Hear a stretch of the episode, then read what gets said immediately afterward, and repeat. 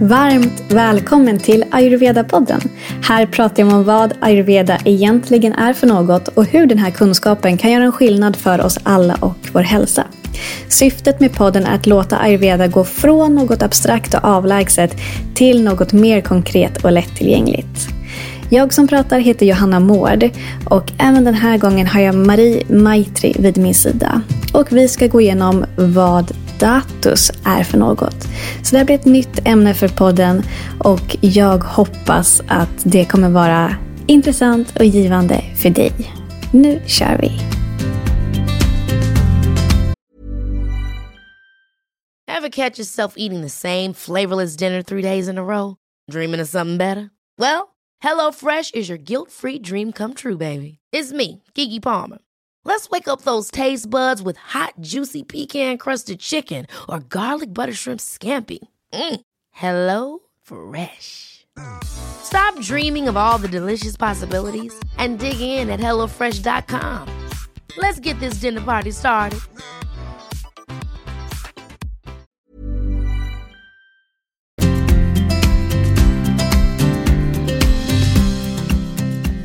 Hej Marie! Hej Johanna! Hej! Så kul att du är här igen.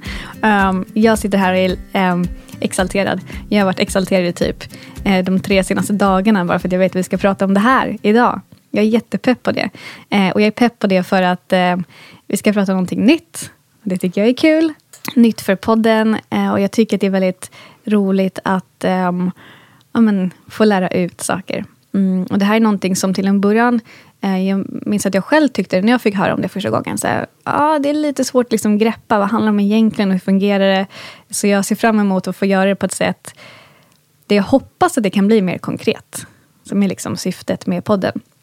Att det ska bli eh, någonting som egentligen är väldigt komplext. Jag ska göra mitt bästa för att göra det så lättförståeligt som möjligt. Eh, och det tycker jag är kul. Att få, att få liksom ta mig an den utmaningen. Och så tycker jag också det är roligt för att det finns ju så otroligt mycket att prata om inom ayurveda. Och vata, pitta och kapha är ju bara en del av det. Det finns så mycket mer därtill. Hur känns det för dig? Vi ska prata om datus. Ja, jag funderade lite över det för att jag tycker också att datus är ganska komplex kunskap.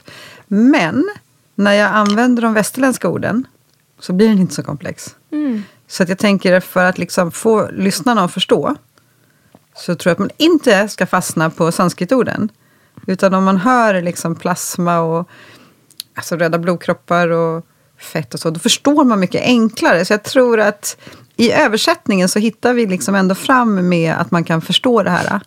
Istället för att fastna på orden. Mm. Mm. Bra. Mm. Eh, toppen. Okej, så eh, rubriken då, då på sanskrit är Sapta Datus. Eh, där Datu översätts till that which holds. Alltså det som håller egentligen. Um, så det här handlar om den fysiska materian som vi består av. Som förser oss med näring och stödjer och skyddar oss. Uh, och just sapta översätts till sju. Så Sapta Datus syftar till de sju särskilda vävnader som är de grundläggande byggstenarna av vår fysiska natur. Så det är det vi kommer att prata om idag. Så även om vi översätter datus till vävnader så är teorin om datus snarare funktionell än fysisk. Eh, så vi går ju nu från Vata, Pitta och kaffa som vi pratat mycket om i podden, som är, det är någonting vi inte kan se, eh, till vävnader som i allra högsta grad är fysiska, som vi både kan se och ta på. Men allt förklaras ändå utifrån ett funktionellt perspektiv. Och det här kan man bara, bara vara bra att, att komma ihåg. Um, för ayurveda förklarar ju ofta hur saker och ting fungerar och hänger ihop. Uh, och det här kommer ge oss många svar på varför. Alltså allt vi kommer prata om idag kommer ge dig ännu mer motivation till att äta bra mat, att äta på rätt sätt, att dricka mycket vatten och träna och vara uppmärksam på dina tankar och känslor. Jag tänker att vi börjar där. Och när man studerar ayurveda så får man ju lära sig namnen på de här sju vävnaderna på sanskrit. Likt en ramsa. Kommer du ihåg att du fick det när du... Nej. Men det fick jag säkert. Det fick du säkert. Ja, men, men det, var, det. det var länge sedan. Exakt. Så jag tänker att jag tar eh, dem, som de heter på sanskrit, eh, för vi kommer säkert nämna det under avsnittet. Och vi ska såklart översätta det till svenska sen också. Eh, och de här eh, sju vävnaderna kommer i en specifik ordning. Och som vanligt så ordning är viktigt enligt ayurveda. Eh, så här kommer alla sju på sanskrit i rätt ordning. Det är rasa, rakta, mamsa, meda, ashti, madja och shukra. Det är de sju. Eh, och med översättning då, så rasa översätter vi till lymfan. Eh, enkelt, eh, enkelt förklarat, liksom, enkelt översatt. Så vi har rasa lymfan, rakta är blod, mamsa är muskler, meda är fett, ashti är ben eller skelett, madja benmärg och chukra är reproduktionsorganen som våra ägg och spermier. Så det är liksom den enkla eh, översättningen. Men det är ju egentligen mer komplext än så här. Så vi ska inte se på det här med allt för fyrkantiga ögon, tänker jag. Utan vi behöver tillåta oss att vara lite mm, mentalt flexibla för att liksom förstå det här. Ehm, men ändå för att göra det så enkelt som möjligt så översätts då vardera datus till de här specifika vävnaderna. För att det gör att det blir om en enklare att se helheten och förstå vad det handlar om i alla fall. Så dessa sju vävnader är ju de som håller ihop kroppen och liksom konstruerar vår fysiska natur. Och ordningen är viktig för att varje vävnad ger näringsämnen till nästa vävnad. Vilket gör dem sammanlänkade. Kommer du ihåg det, Marie? Ja. ja. Det är lite synd om den där sista reproduktionen. Ja, men jag vet. För det är sist liksom, och det är på synd att det är näringskedjan. det som är sist på näringskedjan. Det som känns så himla viktigt, det andra är också viktigt. Men när Du vi tänker ska... att få barn är viktigt? Nej, jag tänker bara att när vi får barn, om vi får det, så är det lite synd att liksom ägg och spermier är den som kommer sist i näringskedjan. För de är ju väldigt viktiga när vi får barn. Sen får vi inte barn hela tiden. Medan vi ska försörja våra, liksom, ha näring i blodet och muskler och så hela tiden såklart. Det så det kanske förklarar är därför. Kanske förklara lite att fertiliteten går ner nu. Mm. Det du kommer att berätta nu. Ordningen är då viktig eh, för att den första vävnaden ger näring till nästa och så vidare. Så rasa, eh, från rasa får vi rakta. Alltså från lymfan får vi blod. Och från rakta får vi mamsa. Så från blod får vi muskler. Och så vidare. Och det är det här som, när jag hörde det första gången så här, mm, hur makes det sense? Men sen när man tänker ett varv till och är lite flexibel så här, it makes a lot of sense. Och samtidigt, det är inte liksom bokstavligt talat, eh, utan mer bildligt och liksom, återigen, det är funktionellt. Ett funktionellt perspektiv på hur allting funkar och hänger ihop. Så det finns ju ett vanligt, en vanlig sägning som heter du är vad du äter. Eller hur? Men vad säger vi? Jag nickar här. Ja, men vad säger vi enligt ayurveda? Det vet jag inte. Säg. Då säger vi du är vad du äter och kan smälta. Mm. För det spelar ju inte... Alltså, bara vad du äter är en sak, men återigen hur du äter är lika viktigt. Och din agni, eh, miljön du äter i och så vidare. Ja, för det kan ju vara så att om din matsmältning inte funkar så är det visst jättebra att du äter bra mat, men den tas inte upp. Exakt. Exakt. Så ayurveda tar hänsyn eh, dels till då näringen som vi får i oss via mat, men också näring från alla våra sinnen samt våra tankar och känslor. Så med andra ord, all näring som du får i dig beror på maten du äter, hur du äter, allt du tar in via dina, sinne, via dina sinnesintryck, tankar och känslor som du bearbetar och smälter. Så allt det här bidrar till att du får i dig näring. Eller inte näring. För om du äter näringsfattig mat eller äter på ett sätt som gör att du inte kan smälta det eller du utsätter dig för för mycket sinnesintryck eller du har tankar och känslor som du inte bearbetar och kan smälta, då får du ju näringsbrist på grund av allt det också. Eller oskön miljö, osköna människor. Mm, visst. Exakt, visst är det intressant? Och det här vet jag att vi har pratat om tidigare också. Liksom, bra vänner ger dig näring. Mm. Och det är så. Bra relationer ger dig näring, dåliga relationer näringsbrist. Ja, Mm. Och det här har ju en direkt koppling till alla dina datus. Hur alla dina vävnader mår i din kropp. just det. För att när alla mår bra så skapas ojas. Mm. Det måste du berätta mer om sen. Mm. Eh, You getting there? Jag ville bara ja. springa före. Precis. Eh, så eh, alltså verkligen det, kvaliteten på råvarorna du får i dig och tankarna kommer att avgöra kvaliteten i hela din fysiska kropp. I alla dina vävnader. Och så ledet av skapandet av alla de här sju vävnaderna, eh, de börjar med matsmältningen. Och, men jag ska bara, innan jag går in där så vill jag bara bolla lite med dig Marie. För det översätts ju till vävnader. Jag tror att det här var en sån sak som... Tissues är samma då som Ja, vävnad. precis. Det är det närmaste så, vi kommer va? Ja, men Mm. precis. Så på engelska översätts det till sju tissues. Eh, och på svenska blir det vävnader. Men jag tror att det här var en grej som gjorde att jag tyckte det var lite knepigt i början. För jag, när jag tänker vävnader, då tänker jag typ fascian. Det är för mig, jag det är mig en, Mm. typ en vävnad. Ligament och så här tänker jag på. Mm. Precis.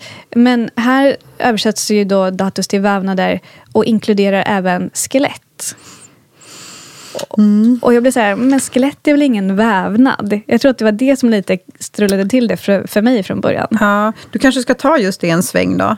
Mm. Nu när du beskriver det i podden. Precis som du sa till mig. Ja, Eller blir det för rörigt? nej. Eh, Vadå, jag alltså, det, här är, det här är live, Marie. Vi poddar.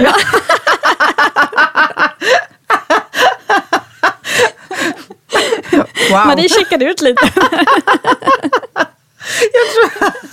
Jag trodde du ville bolla lite så här off the record. nej, jag bollar on the record. ja, men det tycker jag du gör jättebra.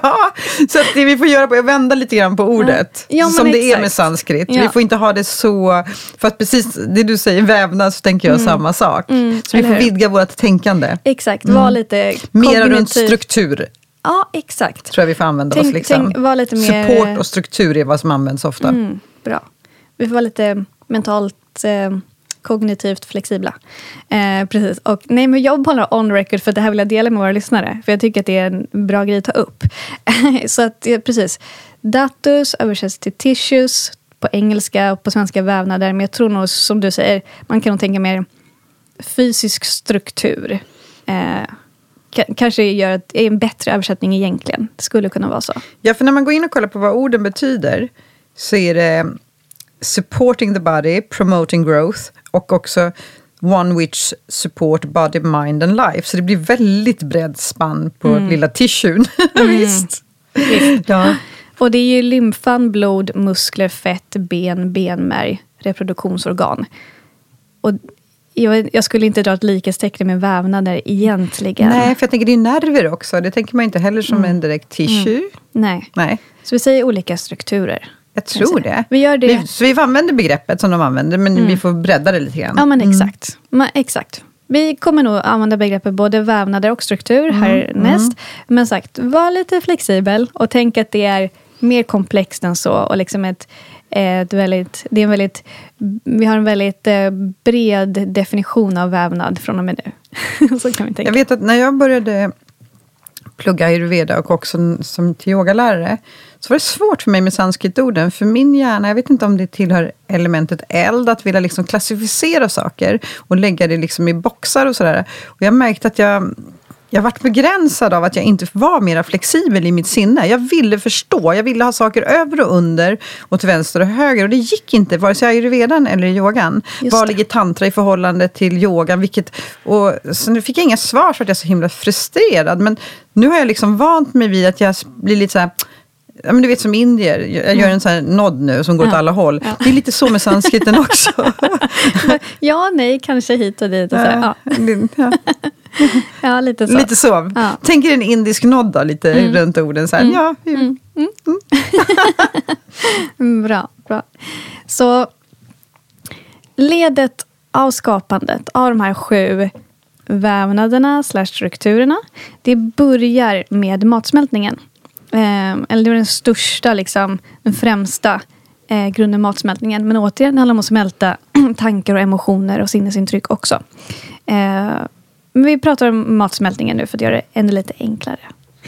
Och det är därför som optimal matsmältning är avgörande för att alla dina alla de här strukturerna ska må bra.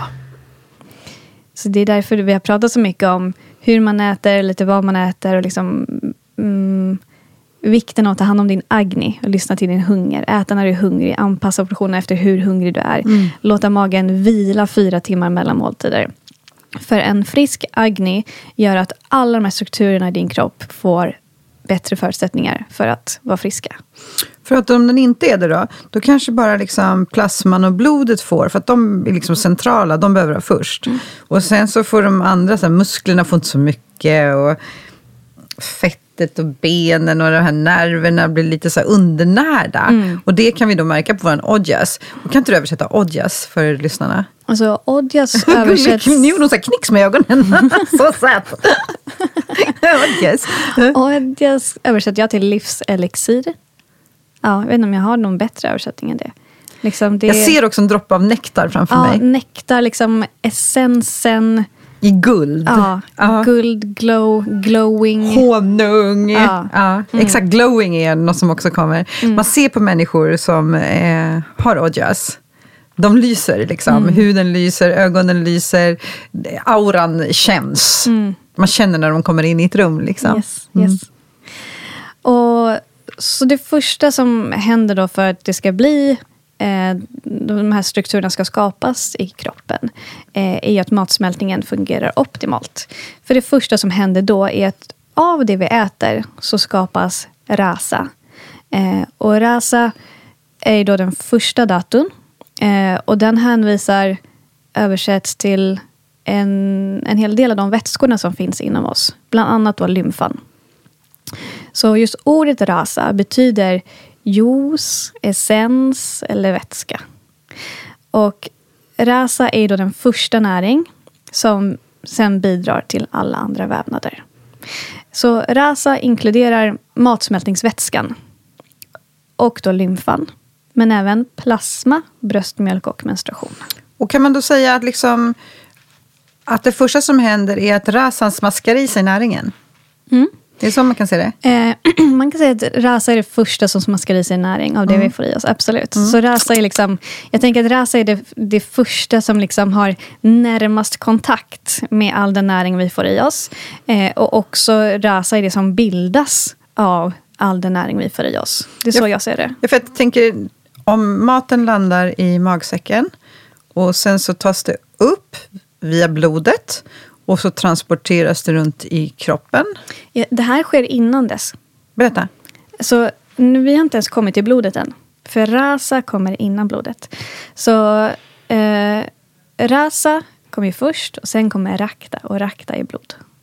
Ah, just det, det är plasman. Förlåt. Mm, plasman är före blodet. Mm, så exakt. när jag får i min näring så är det plasman som först får näringen. Exakt, exakt. Och det, här, det här som jag tycker kanske kan kännas lite komplicerat.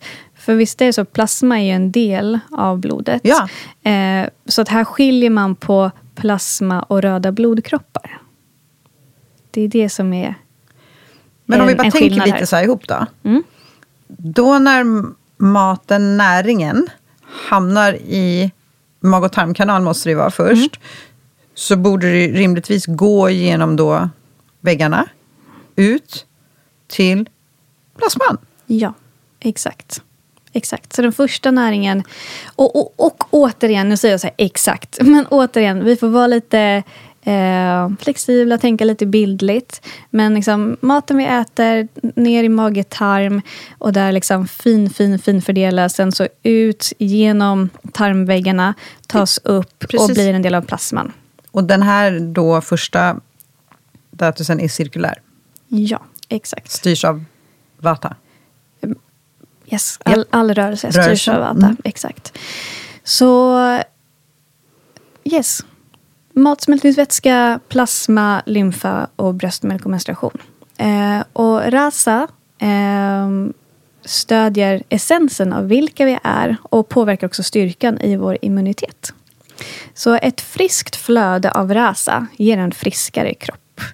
Så man kan se rasa likt en flod som flyttar vatten inom oss genom våra system. Som spolar ut skräp längs med vägen och ser till att livets flod inom oss inte blir stillastående. Så tänk dig att du vill att flödet av rasa ska rena dig inifrån. Som om du badade i en porlande bäck.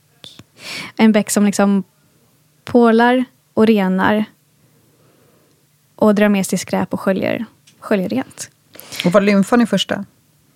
Ja, Så då har vi Garshan-massagen här. Stimulerar vi första datusen. yes.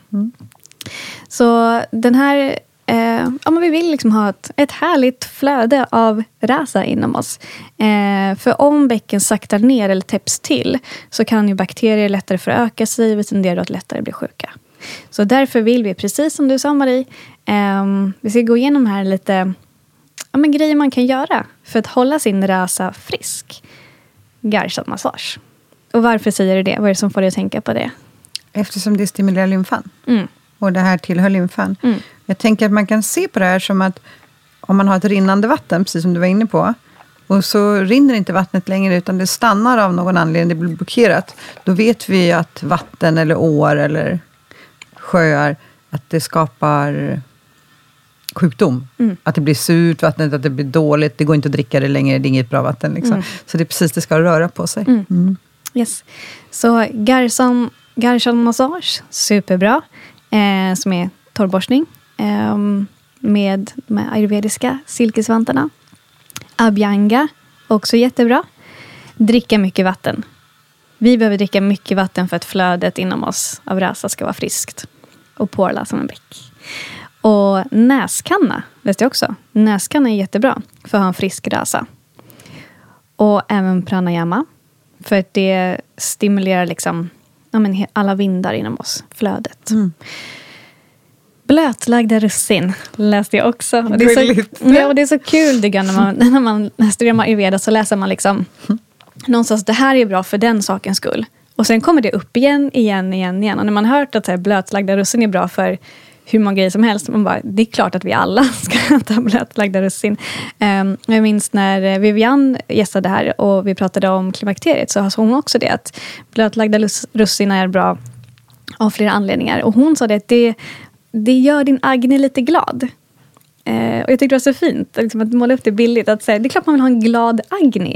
Och eftersom grunden för att ha friska strukturer, vävnader i kroppen börjar med en glad Agni. Det är klart att vi ska ha blötlagda russin. Så det var en sån grej. Eh, och då kan man ta 10-15 stycken, lägga ett glas vatten på kvällen innan man går och lägger sig. Och på morgonen så dricker man upp det vattnet och tuggar i sig russinen.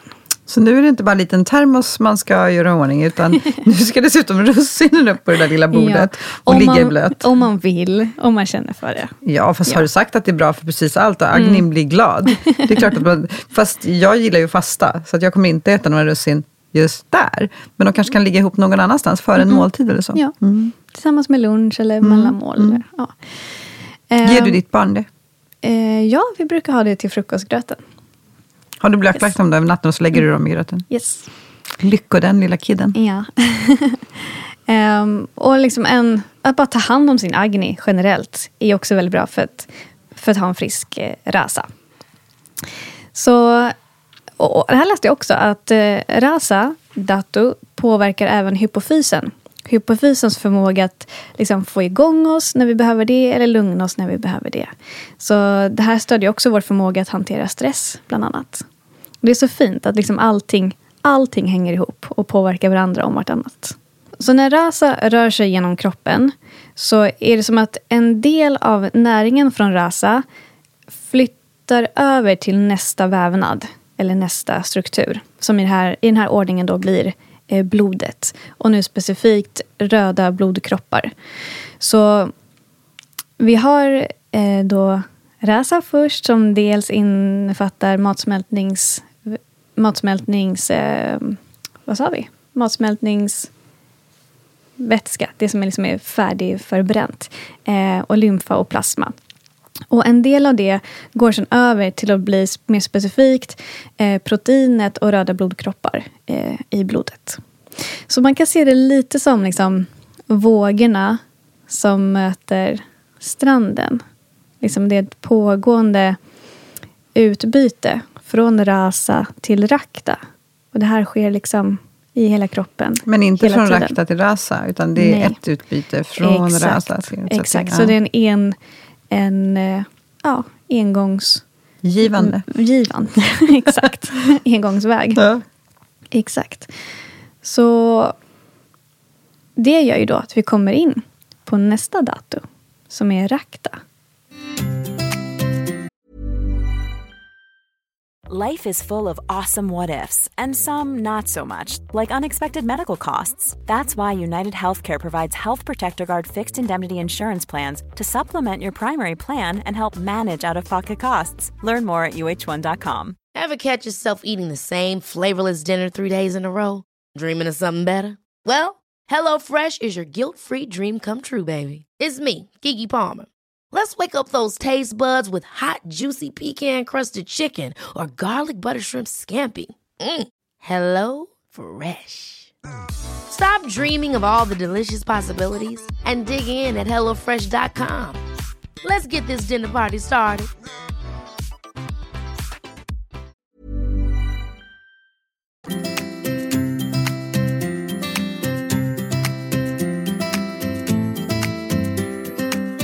Mm. Okej, så vi är nu inne på rakta.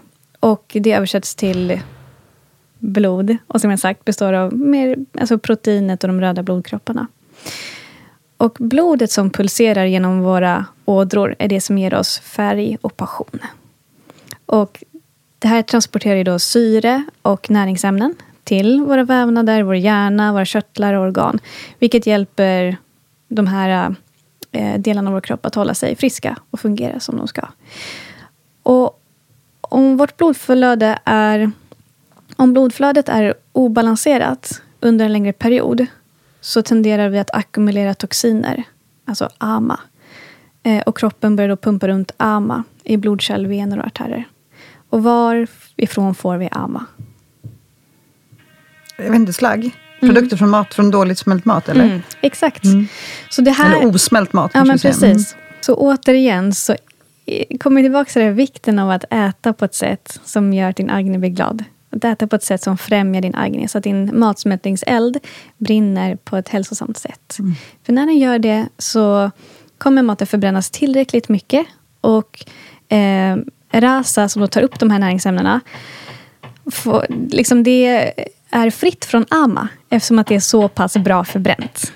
Men om det inte blir tillräckligt förbränt, då hamnar mat som inte är riktigt helt klart finfördelat i rasa som sen tas upp av blodet, rakta, och det börjar cirkulera i våra eh, vener och artärer och blodkärl. Jag tänker den här, Johanna. Ibland när man äter, oftast när man äter, förhoppningsvis, så får man energi. Men många uttrycker att när de äter så får de inte energi, utan de blir trötta. Och då tänker jag att någonting är fel i vad man har ätit, hur man har ätit, ihopsättningen av det man har ätit. Hur tänker du runt det? Kan vi hitta det här någonstans liksom nu? Um, nej, men jag tänker bara likadant som dig. Att, eh, och jag tänker bara på mig själv. Alltså jag tänker, eh, ofta får jag energi när jag ätit. Och får jag inte det så kan jag tänka så här, ja, men ofta beror det på att jag åt lite för mycket.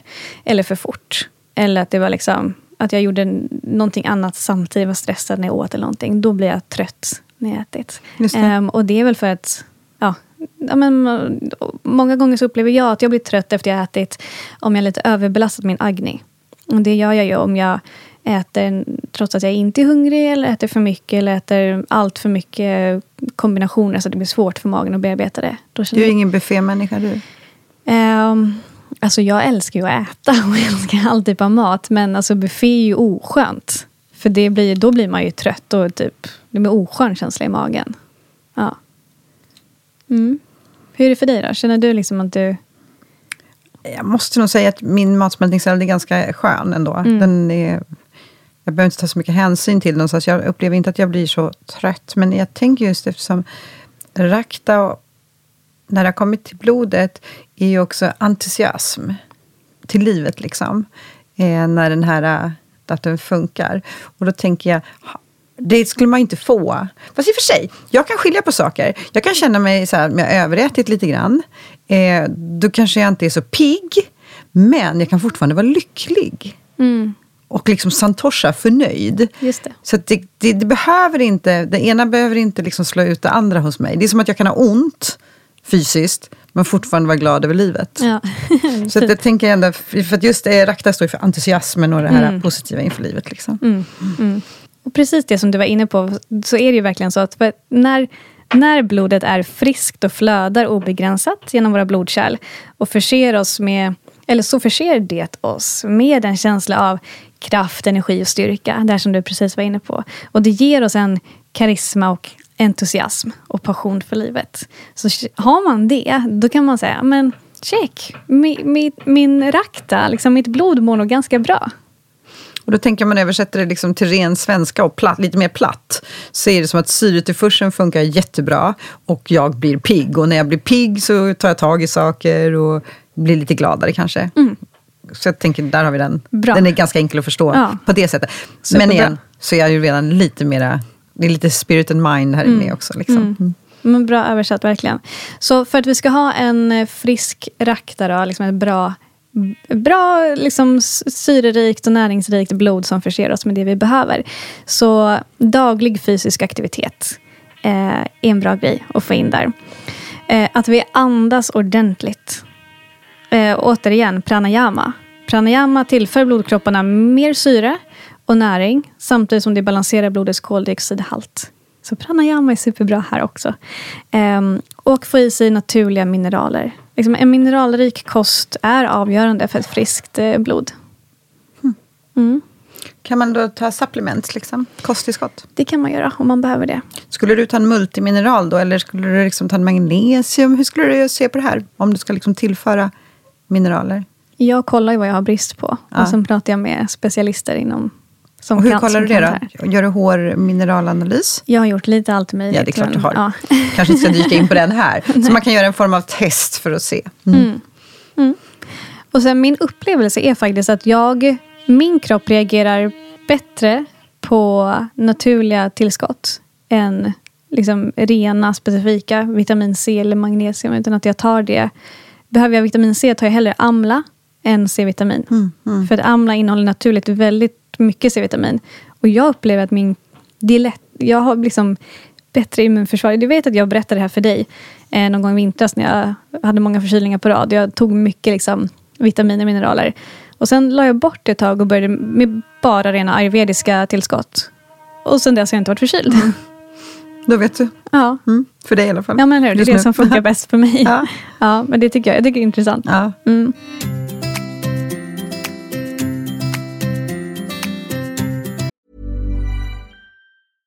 Ever catch yourself eating the same flavorless dinner three days in a row? Dreaming of something better? Well, HelloFresh is your guilt-free dream come true, baby. It's me, Gigi Palmer. Let's wake up those taste buds with hot, juicy pecan-crusted chicken or garlic butter shrimp scampi. Mm. Hello Fresh. Stop dreaming of all the delicious possibilities and dig in at HelloFresh.com. Let's get this dinner party started.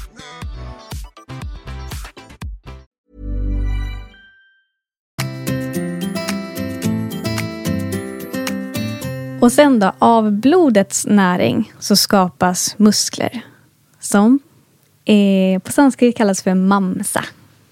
Och det, alltså jag tänker här att när jag säger att från blodet skapas muskler. Så eh, återigen, liksom, ser det mer som bildligt talat. Eh, men jag tänker också så här, fast tänk om det verkligen är precis det som händer.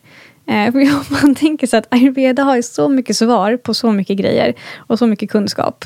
Så det måste, alltså någonting någon sanning finns det i det. Att det är liksom från ja, blodet men proteinerna vi... kommer ju här. De levereras ju liksom. Mm. Ja, och men, det är det musklerna består men, av. Exakt, ja. det är bra. exakt. Eh, så MAMSA då, eh, inkluderar all muskelvävnad i kroppen. Eh, består av alla muskelfibrer och definierar vår struktur och naturliga form. Eh, MAMSA ansvarar för rörelse och eh, stödjer och skyddar kroppen. Och Det här är också det som ger oss eh, styrka, mod och självförtroende. Så Rasa Rakta Mamsa, nu är vi inne på det tredje av sju datus. Mm. Så Rasa är det som liksom, kanske näringsrikast på ett sätt och en del av det blir till, omsätts till blodet och en del av blodets näring omsätts till musklerna. Och sen tycker jag också det är så häftigt med muskler för att det är liksom, musklerna är ju fantastiska kommunikatörer också. Och inom ayurveda pratar man mycket om att kroppen pratar ständigt eh, har sitt eget språk och signalerar ju till oss hela tiden. Eh, så musklerna responderar ju hela tiden på våra tankar och det som händer runt omkring oss. Eh, liksom skapar spänningar eller slappnar av. och liksom hjälper oss att djupandas eller hålla andan. Eller ta ytliga andetag eller liksom lugna, djupa. Får oss att stelna till eller liksom får oss att ta action. Liksom att gå framåt mot det vi vill. Och många upplevelser hålls ju också i vårt muskelminne. Vilket jag också tycker är väldigt fascinerande. Så man brukar säga inom ayurveda att hur vi för oss i världen beror delvis på vad vi varit med om och vad som finns lagrat i våra muskelminnen. Och muskler behöver ju mycket proteiner, fett och kolhydrater för att få tillgång till liksom alla de enzymer, vitaminer och mineraler och elektrolyter som krävs för att de ska bli starka och flexibla. Så återigen, liksom en allsidig kost med allt det här är jätteviktigt för att ha en god muskelhälsa. Men Johanna, mm. om jag nu har då gått och köpt en sån här Findus fiskgratäng som jag har haft i kylskåpet i två dagar och så slänger jag in den i mikron och så äter jag den och så tänker vi att nu vart det noll näring. För det är så jag tänker, för det är massa konstigheter i den där maten också. Kan du då beskriva vad som händer i de här tre datusarna? Kan, kan det vara liksom så att den andra eller tredje inte får något, eller inte ens den första? Hur tänker du runt det här? Alltså nu har jag, bara, jag har stoppat i en fyllnad i magen, men jag har inte stoppat i någon näring. Mm. No nutrition liksom. Nej, men exakt. Jag tänker att man får näringsbrist. Det är det jag tänker. Och näringsbrist, det betyder inte att du kommer liksom... Om du äter Findus mikrad eh, till lunch, det är inte så att du kommer dö på kvällen. Men du får ju näringsbrist. Och förhoppningsvis äter du inte det liksom alla dina måltider, utan du får i dig någon bra mat någon gång förhoppningsvis. Men alltså näringsbrist eh, får du om du inte äter bra mat. Eh, och sen så tänker jag också att liksom... Alltså man brukar säga det inom ayurveda att hur du mår idag är en konsekvens av alla val du gjort de senaste tio åren. Och de val du gör idag kommer påverka dig imorgon, i övermorgon och de kommande tio åren. Eh, karmiskt helt enkelt. Ja, men det är också, på, på också, näringsnivå. ja. Och jag tänker också att det, det tar tid att bli sjuk. Vissa människor, när de liksom är runt, vet jag, 35, 40, 50, så här, liksom plötsligt får de en insikt. Bara, men gud, jag mår inte bra. Liksom, vad har jag gjort sista veckan? Så bara, nej, men det handlar nog inte om vad du gjort sista veckan. Det kanske senaste tio åren. Jobbigt det varit som coach nu, när man bara, okej, okay, vi börjar när du var 20. ja, och samtidigt så här, allt du har gjort tidigare har påverkat dig ehm, och påverkar dig fortfarande. Men ingenting, alltså, det går ju alltid att göra någonting åt saker och ting. Alltså alltid. Och även små justeringar kan göra skillnad och ganska snabbt också. Det har vi verkligen fått lära oss mm. när vi har lyssnat på lyssnare också, som har upplevt mycket liksom, ohälsa, både fysiskt och psykiskt, och så gör man korrigeringar. Mm. Och där kommer ju kroppens eh, självläkande och självreglering in. Mm. Den är så smart. Ja, verkligen, verkligen. Nej, men så jag tänker, eh, det är klart att det är alltid bättre att laga, liksom, eller få i sig mat Mm, naturligt, liksom ekologiskt, bra råvaror. Och återigen, tänka snälla tankar, ta hand om dina känslor. Frisk luft och allt det där. Goa människor eh, och så vidare. Men eh, så vad vi vill göra för att hålla vår mamsa frisk, det är att få i oss bra med näring. Eh, bra med näring och bra med magnesium också. Det är, Fast det är liksom rubriken på hela det här alltet. Alltså bra med näring. Mm. Punkt. Ja. Så det behöver vi inte upprepa varje... alltså, eller hur? Nej, det är sant. Varje av de här, alla behöver bra näring. Vi behöver bra näring typ för precis allting. Mm. Men sen säger jag ju redan att om din ämnesomsättning funkar så kan du äta gift. Nu, nu skickar jag över en liten oskön puck här till Johanna. Eller hur? Om du... Vad är det, vad är det jag redan säger? Att... Eh, kommer du ihåg? Nej, men ja, man säger inom AVR att om, det, om din liksom matsmältning är helt optimal, då kan du äta gift utan att det berör dig. Uh, och, och om den inte är det, så kan nektar bli, kommer du ihåg? Ja, så kan nektar bli ama. Exakt. Ja. Så och, och, alltså, ja, och så här, se inte det som någon rekommendation på något sätt, men bara så här, det är återigen bildligt. Liksom. Hur, alltså, fungerar din hälsa optimalt så ingenting kommer störa dig. Men har du, liksom, ja, men, har du inte koll på din hälsa så kan även det som verkar hälsosamt eh, skapa obalans hos dig. Mm. Ehm, ja. Är det något mer du vill säga om Det, det? det är så här, min hjärna håller på nu. Ja. Den håller på att se bilder. Att jag äter den där äh, maten som är helt utan näring, Mm. men, men som är bukfylla. Och så kommer plasman förbi här och bara, hallå jag tänkte hämta upp lite grejer. För det ska vidare sen till Mm. blodet och sen ska det liksom vidare till musklerna och det ska vidare. Och så kommer det så får den ingenting. Eller den kanske får, vad får den istället? Får den konserveringsmedel, färgämnen, plockar plasman upp skräpet? För det, då ska det väl till levern och bara liksom filtrera och njurarna och liksom tas om hand, eller lymfan som också tar om hand om gifter. Och då tänker jag att plasman bara blir så här, men vad fan, här åker jag förbi och ska hämta grejer och så har jag inte fått något. Och är det det då? Och sen så får ju liksom inte då blodet något så att syret blir inte så pikt. Och då tänker jag att det du sa var näringsbrist. Eh, och det är klart att en måltid gör ju inte att jag får en näringsbrist, men just där och då, om jag har ätit en måltid helt innehållslös, så måste det ändå få en effekt, instant. Det här måste jag prova. Alltså jag äter ju aldrig sån mat. Gör du det? Någonsin? Ah, väldigt sällan. Men vad är det, typ det sämsta du skulle kunna... Alltså jag skulle kunna äta en varmkorv, absolut. Eller något sånt här. Men jag tror inte jag har ätit liksom död mat. Hur nära kommer du sån mat? För det vi vill veta här är vad händer instant när plasman bara, hallå, finns inget att plocka upp här. Nej, men man får ingen energi, tänker jag. Alltså, det är det jag tänker. Så Ja. man, får inte liksom, man blir inte pigg och glad efteråt. Och jag tänker också att så här, har man liksom för eh, vana att få i sig den här typen av mat så är det inte konstigt att man går runt och är trött. För man är trött, man är trött under dagen, man är trött när man vaknar, eh, man kanske har ont. Alltså det är då man får liksom olika typer av symptom. Så ni som lyssnar nu, jag hoppas att det är några där ute som äter så här, hittar på mat. Så att ni kan liksom kolla på effekten av hur maten tas om hand. Och så se de här bilderna av liksom plasman som åker förbi, blodet, musklerna. Och då har vi bara börjat med de tre första. Ja? Exakt. Ja. Ja. Jag, jag får också fram den här bilden. Så här, plasman vill ju bli glad Ja. när den kommer förbi. Alltså, Jag man- ser hur bara gör så här med Ja, händerna, du ja. vet som den där emojin. Men det var inget, fanns ju inget här. Okej, jag kan vänta till nästa gång då. Men Ja. inte gör inte om det så många gånger, Nej, är du snäll. Ja.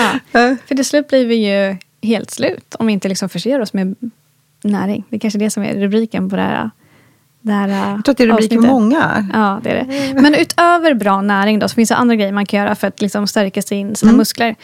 Såklart träning. Eh, Ayurveda förespråkar liksom svettas 15 minuter om dagen. Eh, för att stärka musklerna och förse dem ordentligt med syre och näring. För när vi använder musklerna så pumpar det ut blod dit. Och vi förser dem med, med, med syre och näring. Ayurvedan är, förespråkar också 70 procent av din kompetens. Mm. Eller alltså att inte ta i 100 procent, så att du tar ut det helt. Mm.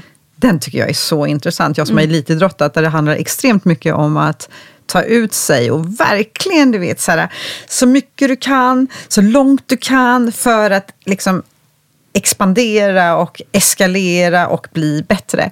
Och sen har vi det här 70 procent, jag bara, okej, men det var inte då jag läste ayurvedan. Men då vet jag inte hur, jag, hur det hade sett ut eller gått till. Men allting är väl beroende på vilken intention man har. Ja, men jag tycker, alltså, jag tycker att det låter sunt. Alltså, alltså, eller jag, jag tycker att det är sunt att ayurveda förespråkar liksom, träna till 75 procent av din maxkapacitet. För, Ja. det, för, det gör också, för det gör att träningen blir anabolisk, alltså uppbyggande istället för katabolisk nedbrytande. Ja, fast jag, nej, jag, tränar ju folk ibland och då tycker jag att det handlar mer om deras psyke. Som Pitta behöver få ta ut sig och ta ut sig max och få slänga någonting så här i golvet och bara "Uah!" en vikt typ som var för tung eller någonting. Och Kaffa kan också behöva det för att få runt saker. Så att här följer inte jag alltid det för att eh, vissa människor behöver utmaningar, de behöver inte orka till exempel. Så att då följer inte jag alls det. Men an, överlag, jag gör det själv väldigt bra. 70 procent.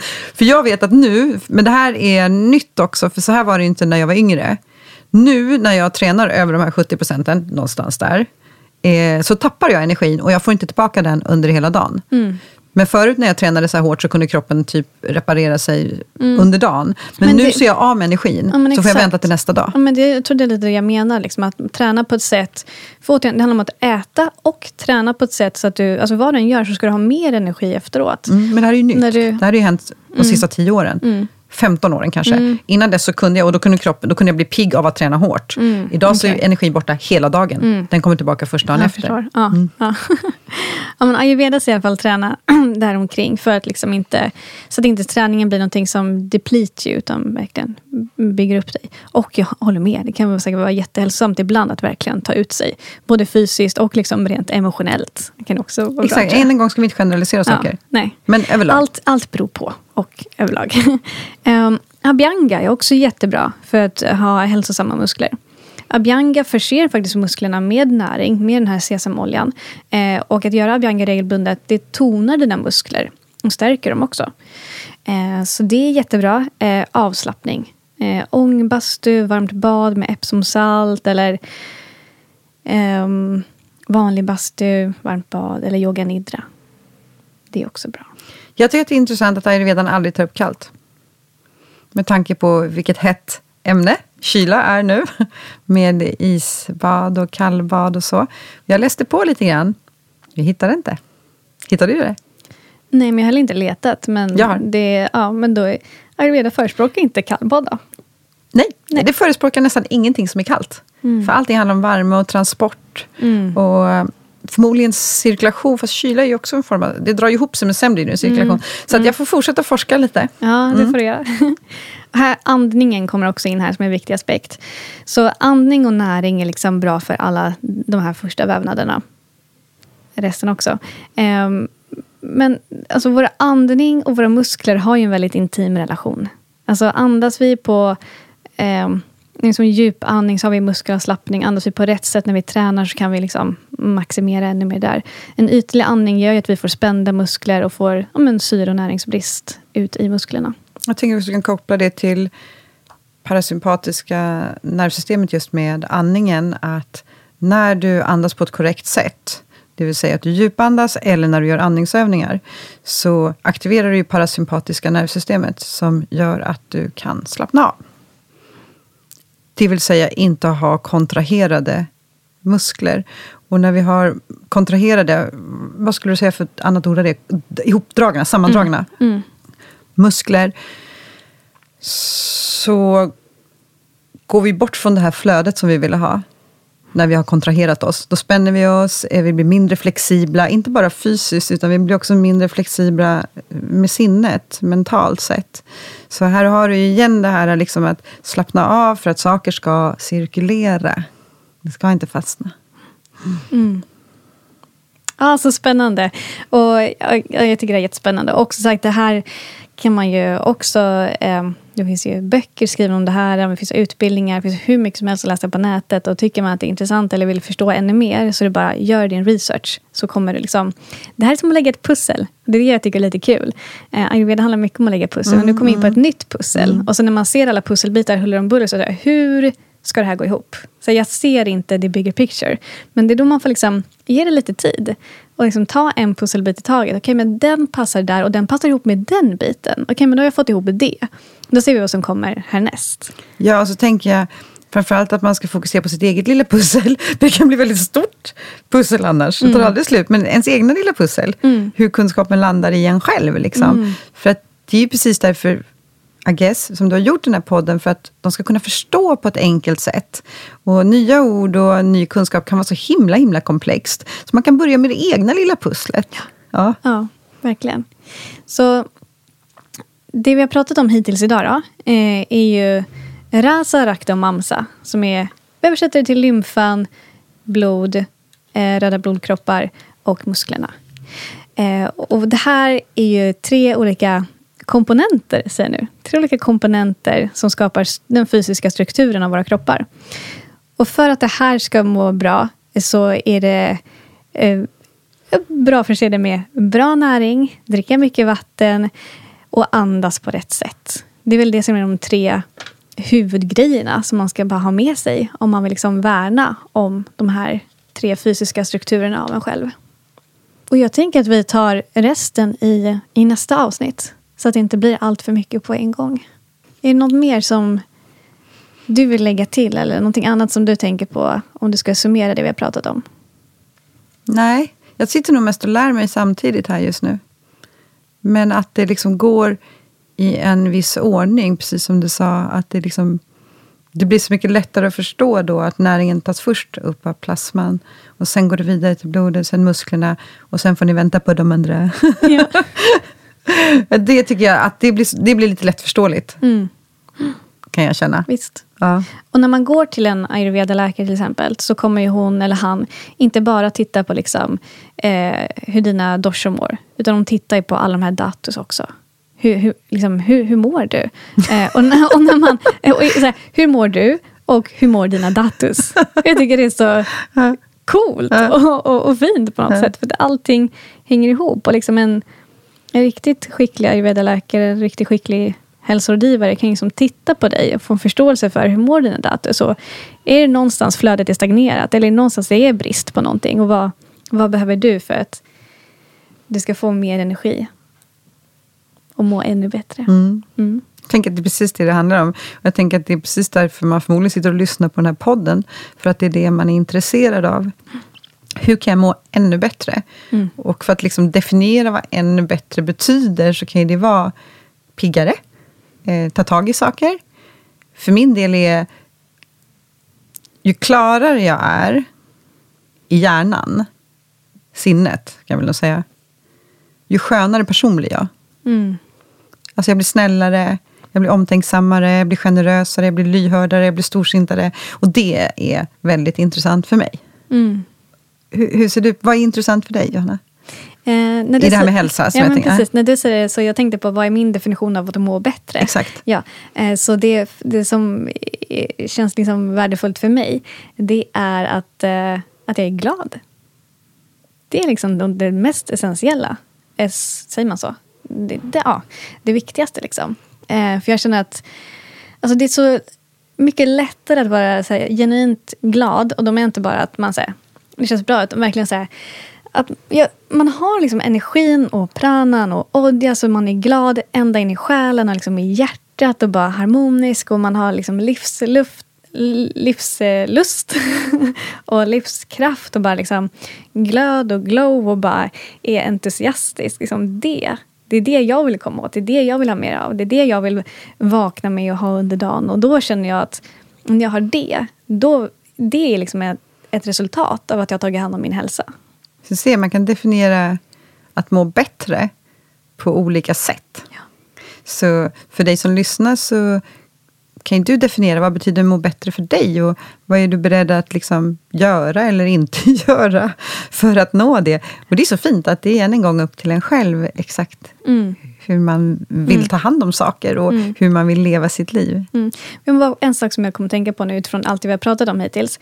Är ju att eh, vi kommer återigen med liksom flera olika tips på saker du kan göra. Och precis som du sa Marie nyss, det är upp till dig att välja vad du vill göra. Men det som är fint är att mm, av allt vi har pratat om i podden hittills så är liksom, det inga nya saker. För Utan- annars gör du redan. Ja, men, eller hur? För att, ja, Den kan du stryka. och men att ta hand om Rasa Rakta Mamsa, då är det Garshan massage. Det har vi pratat om. Det är Abhyanga, det har vi pratat jättemycket om. Det är dricka varmt vatten. Det är näskanna. Det är äta på ett sätt som tar alltså främjar din agni. Visst är det, det tycker jag ändå också är fint. Att allting hänger ihop.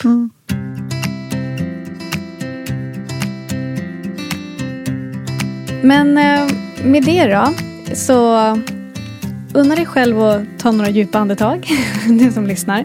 Ehm, kanske några pranayamas ikväll. Ehm, och bara se liksom vad du kan göra för att fylla dig med näring i alla dess former, i alla aspekter. Börja liksom utforska det och se hur det påverkar dig. Så tar vi resten av Datus i nästa avsnitt. Tack för att du var här Marie idag. Tack för att jag fick komma. Om du uppskattar det här avsnittet, tyckte om det, så lämna gärna en review eller betygsätt botten. Ehm, och dela det med andra som du tror skulle uppskatta det här. Ta hand om dig så hörs vi snart igen. Namaste.